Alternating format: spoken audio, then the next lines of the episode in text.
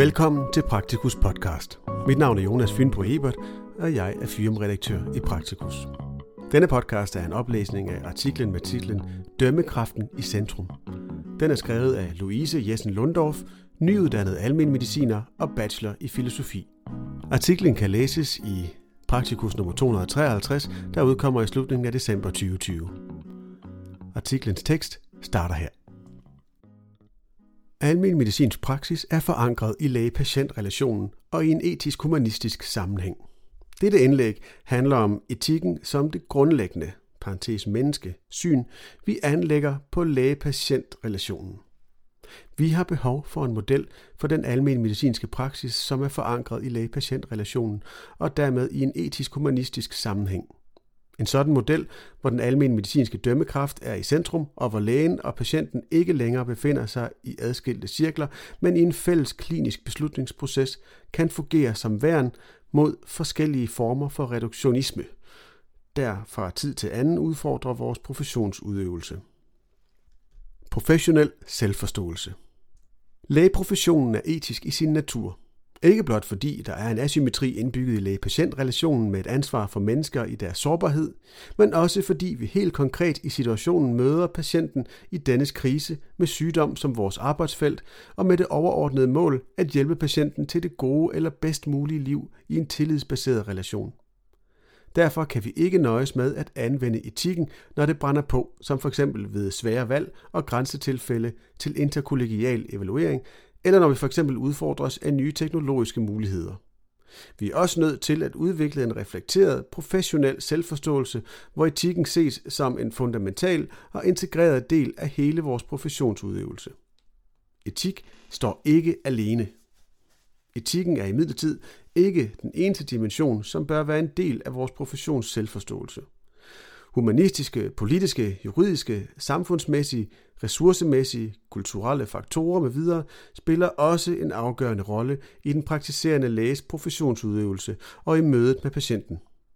Set i lyset af dette komplekse landskab, som den praktiserende læge må navigere i, vil der uundgåeligt ligge et bagtæppe af usikkerhed i den kliniske praksis, uanset mængden af pålidelig forskningsmæssig viden.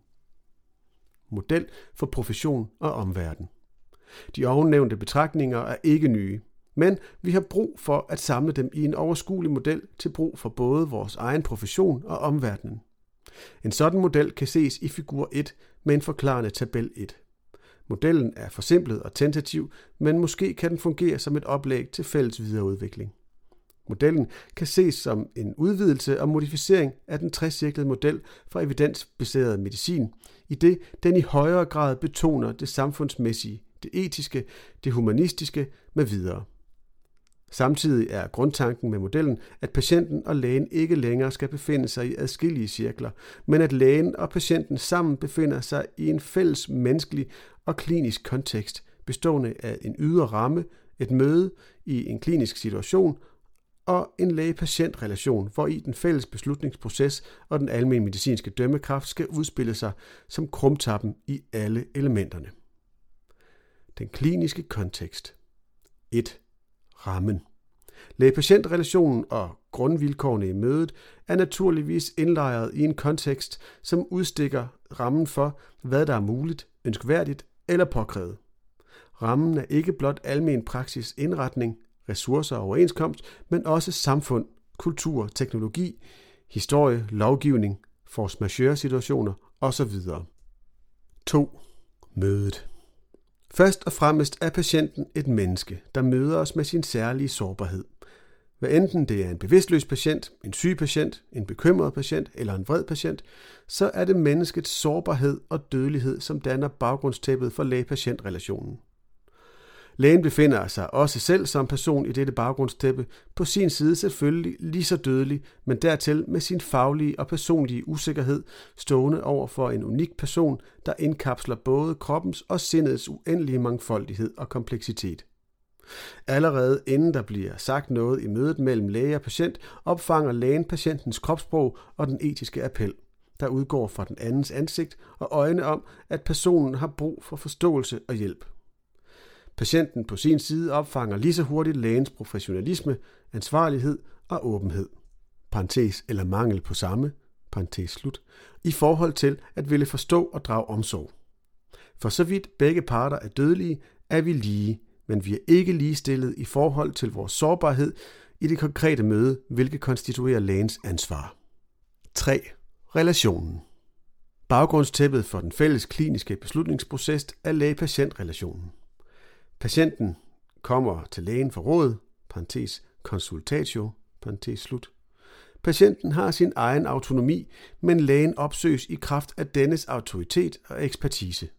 Således er der en kompleks og asymmetrisk magtrelation, som dog kan finde fælles fodslag ved en gensidig tillid. Ved mangel på tillid forkludres eller ophører dialogen.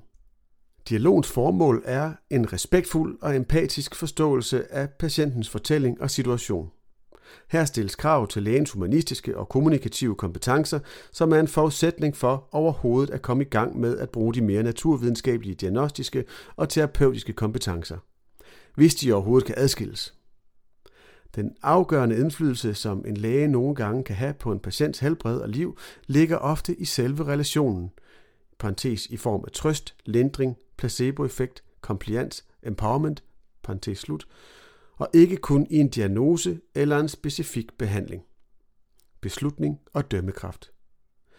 Den trecirklede model for evidensbaseret praksis er allerede velkendt, og den kan ses inkorporeret i figur 1 med forskningsbaseret evidens, lægens erfaring og patientens værdier og præferencer. Centrum af modellen er imidlertid ændret fra at være evidensbaseret praksis til at være fælles klinisk beslutningsproces og dømmekraft. Dømmekraft er evnen til at bygge bro mellem teori og praksis, mellem det universelle og det partikulære, mellem vejledningen og det individuelle tilfælde, mellem det principielle og det komplekse situationelle. Den almindelige medicinske dømmekraft er ikke kun summen af de humanvidenskabelige og naturvidenskabelige kompetencer.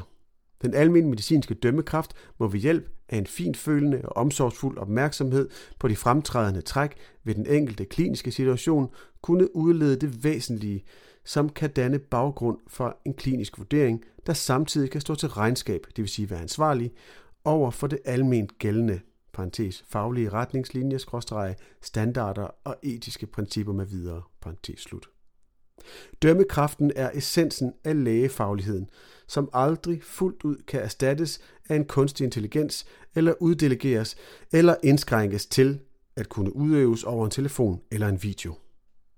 Den lægefaglige dømmekraft er således indlejret i mødet med og relationen til patienten i dennes særlige sårbarhed i en fælles menneskelig kontekst.